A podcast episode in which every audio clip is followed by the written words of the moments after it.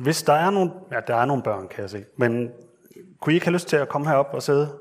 Øh, fordi jeg skal lige lave nogle, eller jeg skal forklare nogle ting, som måske er lidt nemmere, hvis I kan følge lidt med heroppe. Øh, ja, når vi lige har læst bibelteksten, så skal jeg vise jer noget, og øh, hvis det så bliver for kedeligt heroppe, så kan I altid sætte jer ned, jer ned til jeres forældre igen, og så tage et, øh, et tegneark øh, med på vejen. Øh, ja, jeg skal lige, det bliver med Lego, fordi at, øh, jeg kunne ikke overbevise min kone om, at hun skulle klæde sig ud som en engel, så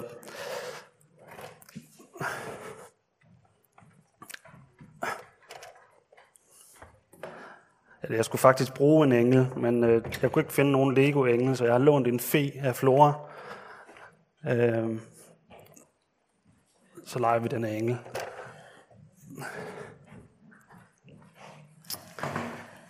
Er der nogen, der har tænkt over, hvor lang, der er, hvor lang tid der er til jul i dag? Hvor lang tid er der? Du har set, der er nogen, der prutter? Kan, ved, kan, du huske, Tue, kan du huske, hvor lang tid du lå inde i din mors mave, før du kom ud? Bare sådan cirka. Er der nogle andre børn, der ved det? Hvor, længe, hvor lang tid er, er man gravid? Sådan. Ni måneder. Ni måneder? Det er fuldstændig korrekt. Det er fuldstændig korrekt. Øh, så hvis vi nu skal fejre jul om ni måneder, så giver det meget god mening, at øh, det i dag kunne handle om, at, at øh, Jomfru Maria hun bliver gravid. Ikke? Det giver måske meget god mening. Øh, fordi i dag, så hedder det Marie Bebudelsesdag. Da jeg selv var barn og ung, så synes jeg, det var en rimelig kedelig titel til en søndag. Men det handler altså om, at Maria hun får besked i dag om, at hun skal være gravid, og hun skal føde Jesus om ni måneder. Øhm, og inden vi læser dagens tekst, så skal vi lige have styr på en anden kvinde også, fordi at vi har, vi har Jomfru Maria, hun bor her. Hun bor faktisk stadigvæk hjemme, men det kommer jeg lige tilbage til. Og så har vi øh, Marias tante, hun hedder Elisabeth. Hun er meget gammel, hun bor sammen med Zacharias, de er begge to meget gamle. Og øh, så er der den her engel, som egentlig er en fe, men nu kalder vi den lige englen Gabriel i dag. Ikke? Og englen Gabriel har lige fortalt Elisabeth, altså hun fortæller, englen fortæller det faktisk til, til, til Zacharias, at Elisabeth, selvom hun er gammel, meget, hun er faktisk alt for gammel til at få børn, så skal hun blive gravid. Og det har englen fortalt for seks måneder siden, at hun skal få en søn, som skal blive født nu her om tre måneder, altså seks måneder før jul. Og nu spørger jeg bare lige vildt, er der nogen børn eller unge, der ved, hvad den søn hedder, som bliver født om tre måneder, et halvt år før Jesus? Det fejrer vi faktisk også. Nej, det er også lige meget. Det fortæller jeg ikke så. Men det er mere bare lige for, at vi er tunet ind. Øh, ej, det er selvfølgelig Johannes Døberen. Men øh, det er bare lige så, vi er tunet ind på teksten, for vi skal lige starte med at læse dagens tekst. For den starter nemlig med, da Elisabeth, som jeg lige nævnte, var i 6. måned, blev englen Gabriel, altså det vil sige den samme engel, sendt fra Gud til en by i Galilea, der hedder Nazareth, til en jomfru, der var forlovet med en mand, som hed Josef og var Davids hus. Jomfruens navn var Maria, og englen kom ind til hende og hilste hende med orden. Herren er med dig, du benåede. Hun blev forfærdet over de ord og spurgte sig selv, hvad denne hilsen skulle betyde. Da sagde englen til hende, Frygt ikke, Maria, for du har fundet noget for, Guds, for, for Gud. Se, du skal blive med barn og føde en søn, og du skal give ham navnet Jesus. Han skal blive stor og kaldes den højeste søn. Og Gud, Herren, skal give ham hans fader Davids trone. Han skal være konge over Jakobs hus til evig tid, og der skal ikke være ende på hans rige. Maria sagde til englen, Hvordan skal det gå til? Jeg har jo aldrig været sammen med en mand. Englen svarede hende, Helligånden skal komme over dig, og den højeste kraft skal overskygge dig. Derfor skal det barn, der bliver født, også kaldes helligt, Guds søn. Også din slægtning, Elisabeth, har undfanget en søn nu i sin alderdom.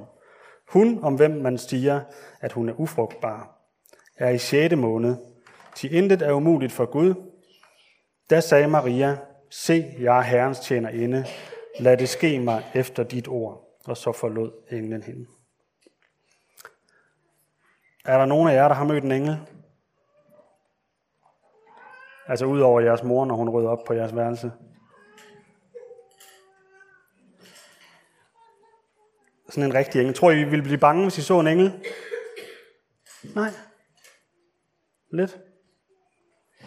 Jeg tror, det er meget normalt, at man bliver bange. Øh, hvis I kan huske, kan I huske julenat med hyrderne på marken øh, i juleevangeliet, hvor hyrderne går og passer deres får, og pludselig så står Guds engel foran dem, og Guds herlighed stråler på dem. Og de blev helt vildt bange, står der. Nogle gange så kan man måske godt forestille sig, at hvis der er sådan en engel, så Nå, hvor er den sød. Hvad vil du, lille engel? Hvad vil du fortælle os? Øh, men sådan er det ikke. Englen kommer fra Gud. Kan I, huske, kan I huske juleaften, vi snakkede om, hvor stor og mægtig Gud han var? Eller hvor, hvor mægtig Gud er. Både hyrderne julenat og så Maria i beretningen i dag, de har formentlig aldrig nogensinde set noget overnaturligt som en engel før. Så de blev helt vildt bange. Tænk, hvis der lige pludselig stod sådan en kæmpe lysende krabat foran en. En overnaturlig. Og ved I hvad, engle, englene, de bliver faktisk ikke bange, eller de bliver faktisk ikke overrasket over, at mennesker bliver bange for dem. Kan I huske, hvad de siger, når det er? Der er flere eksempler på det i Bibelen, når der kommer en engel. Hvad siger den så?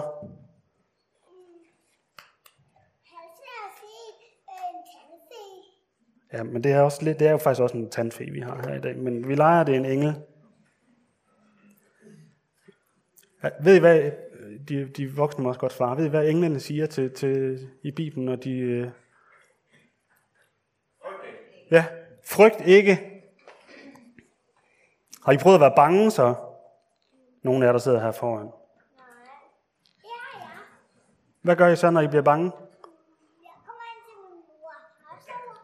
Ja. Så løber du hen til din mor. Hvad gør du? Ja. Hvor løber du så hen, når du bliver bange? Løb. Nå, hvad hvis han ikke lige er der? Så løber du ind til naboen. Ja. Ja, nemlig. Hvad gør de voksne, når de bliver bange? Løber ind til naboen. Ja. det tror jeg faktisk, det giver faktisk god mening. Jeg elsker at blive vildere. Vil du være sammen med min nabo? Men ved I hvad? Ja, det tror jeg ikke. Det tror jeg ikke, du gør, Tue. Men ved I hvad de voksne nogle gange gør, når de bliver bange? Nej. Så, øh, så, så har man en far i himlen, man kan gå hen til. Ja, det er godt, Tue. Det kan være, du skal sætte dig hen til din mor. Men vi har også, de voksne har, at vi har alle sammen en far i himlen, hvor vi kan være fuldstændig trygge. Men samtidig så er han også helt vildt mægtig og stor og stærk. Og derfor så kan vi godt blive bange, når vi ser en, øh, når vi ser en engle. Nå, men i den del af Israel, som, øh, som hedder Galilea, der er der en lille by, der hedder Nazareth. Og øh, en gang så var det bare en lille landsby, det er det ikke mere. Men for præcis 2024 år siden, så boede der den her unge bondepige, Maria. Hun, hun, var, øh, hun var kun 15 år, så hun boede hun var formentlig cirka 15 år. Så hun boede nok hjemme hos sin mor og far stadigvæk i det her lille hus. Men selvom hun boede hjemme, så var hun faktisk forlovet. Ved I, hvad det vil sige at være forlovet? Har I hørt om det? Anna? Ved du, hvad det vil sige at være forlovet? Der er ingen børn, der ved. Nå, men det betyder, at man har aftalt, at man skal giftes. Så nogle gange så tager man sådan en øh, ring på. Nu kan jeg ikke lige få den af, fordi jeg har lavet fysisk arbejde i går, så mine fingre de er blevet for fede. Men dengang så var det normalt, at man blev forlovet allerede som 15-årig. Og når man bliver forlovet med hinanden, i dag, så er det fordi, vi aftaler, at vi skal giftes med hinanden. Nogle gange, så, så kan det være, at, øh, at manden han går på knæ og frier og spørger, om, om den anden vil giftes. Og så giver man hinanden en ring på, som en aftale. Hvis man så ikke vil gifte sig alligevel, så kan man tage ringen af igen. Det kunne man ikke dengang. dengang Maria hun var forlovet, så var der lavet en aftale om, at hun skulle giftes. Kan I huske, hvem hun skulle giftes med? Med Josef. Fuldstændig korrekt. Og dengang så var det sådan, at hvis man var forlovet med hinanden, så skulle man faktisk skilles, hvis man ikke ville giftes med hinanden alligevel. Så det var ikke bare sådan lige. Nå, men Maria, Maria hun går derhjemme den her dag, og så kommer der den her engel, som vi lige leger en engel, der hedder Gabriel. Og Gabriel banker ikke øh, pænt på døren og spørger, om han må komme ind. Han står lige pludselig inde hos hende, og så siger han til, til hende, Herren vær med dig, du benådet. Og benådet, det betyder egentlig bare, at, at, hun er, at, at, at Gud han er tæt på. Og det er klart, hvis man står over for, for, for en engel, som, øh, som kommer med et budskab fra Gud til en, så, så er Gud rimelig tæt på. Og Maria hun bliver bange. Og englen siger, frygt ikke Maria, for du har fundet noget for Gud.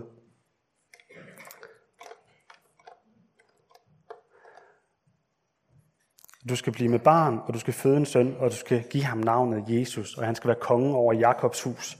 Og Jakobs hus, det betyder egentlig bare Israel, og i virkeligheden alle kristne mennesker. Så det gælder også for nogen som os. Og han skal være konge for os altid. Der skal ikke være ende på hans rige, siger englen. Nå, men kan I huske det her? Vi, vi lige snakker om, at de var forlovet, så de boede ikke sammen endnu. Maria og Josef. Er I med på det? Nu skal I høre godt efter, fordi at når de ikke var gift endnu, og de ikke har boet sammen, så er de jo heller ikke begyndt at lave børn endnu.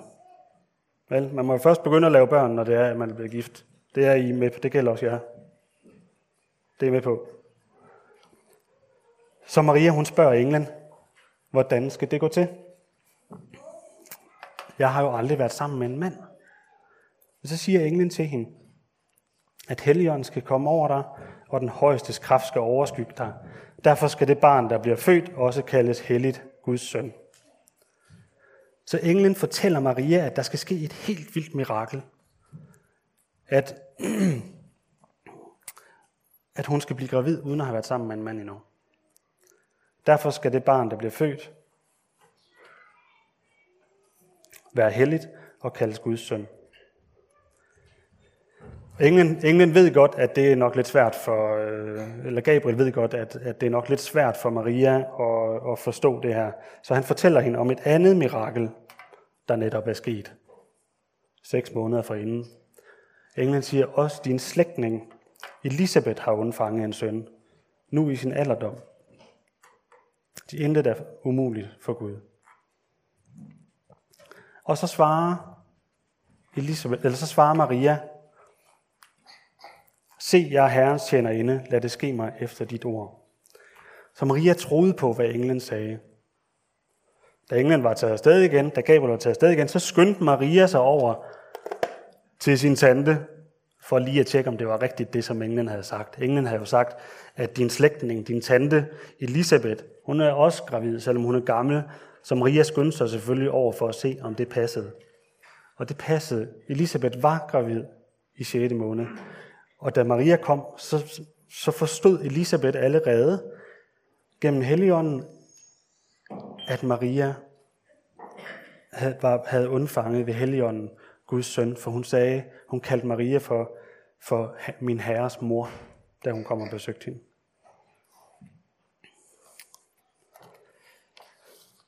Nu skal vi så lige snakke lidt om, hvad vi kan bruge den her tekst til i dag. Især den aller sidste linje.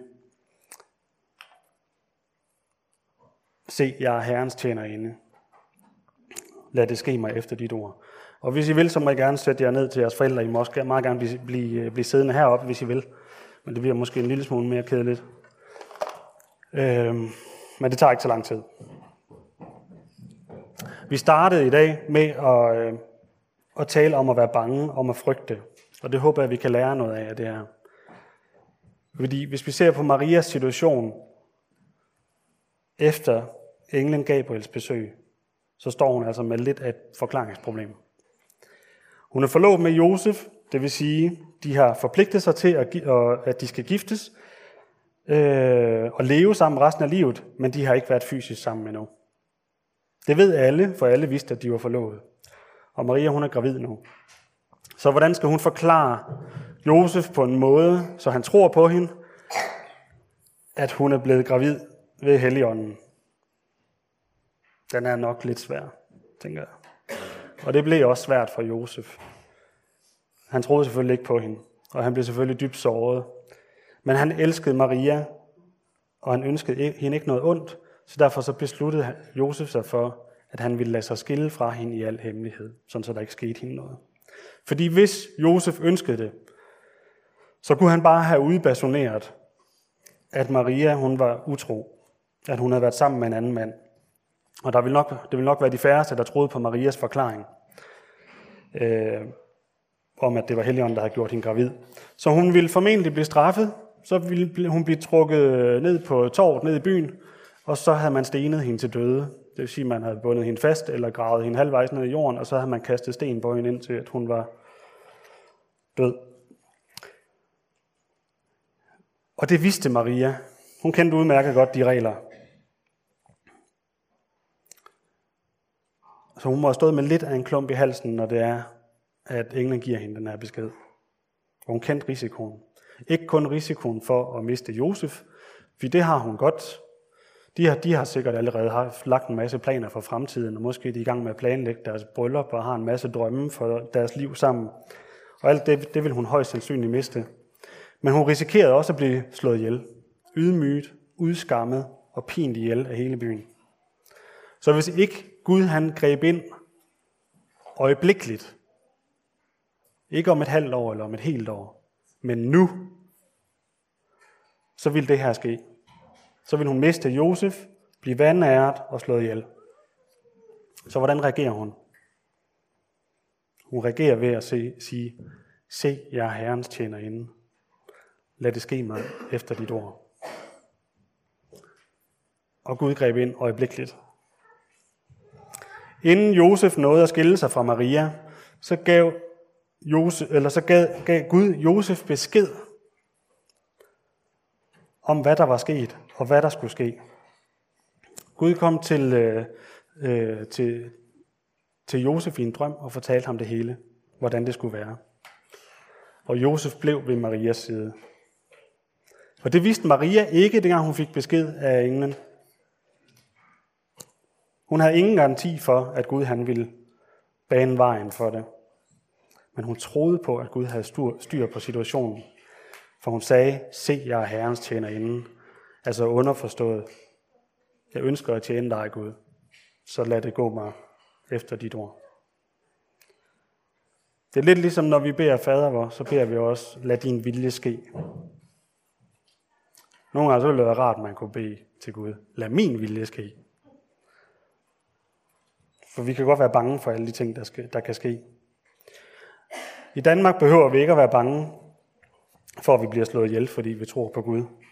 Vi kan godt blive udstillet, vi kan godt blive hånet, eller kaldt intolerant eller krænker, eller hvad det nu er, hvis vi følger Guds ord øh, og Guds hellige ånd, i stedet for tidsånden og verdens, den, den ånd, som, som hersker i vores, i vores samfund. Øh, det kan også være på arbejdet eller i skolen, hvor vi er bange for at bekende os som kristne. Eller vi er bange for at fortælle, hvad vi skal i weekenden, eller bare bange for at sige vores mening. Eller det kan være, at Gud han prikker os på skulderen, at vi skal gøre noget for et andet menneske, eller sige noget til et andet menneske. Og så bliver vi bange. Så kan vi godt blive bange for, hvad der sker, hvis vi gør det, som Gud han, han kalder os til.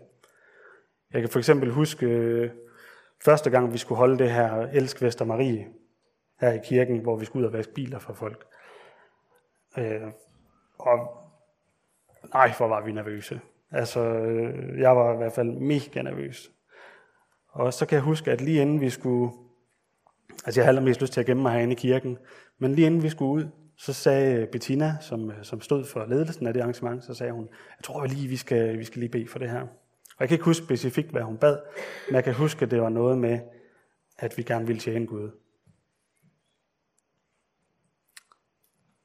Og jeg kan huske, hvordan min frygt for at skulle ud og møde fremmede mennesker, den, den forsvandt, og hvordan vi havde en, en fantastisk øh, øh, dag sammen derhen foran brusen.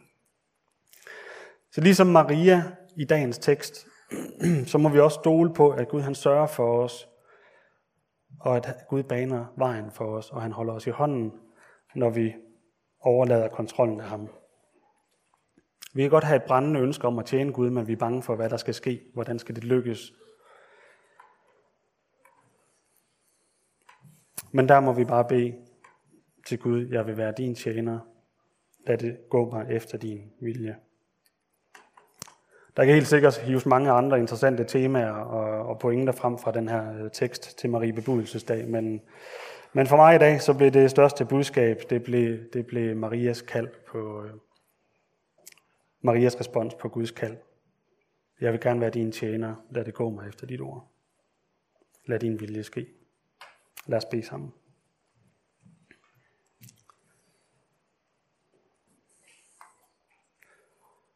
Tak Gud, fordi du viser os i dag, at vi, at vi ikke har grund til at frygte, når vi tjener dig, og når vi gør din vilje.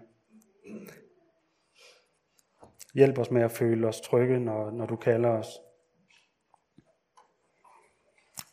Her vi ønsker at tjene dig, som tjener og som din menighed. Lad, ske, lad, lad det ske os efter dit ord. Amen.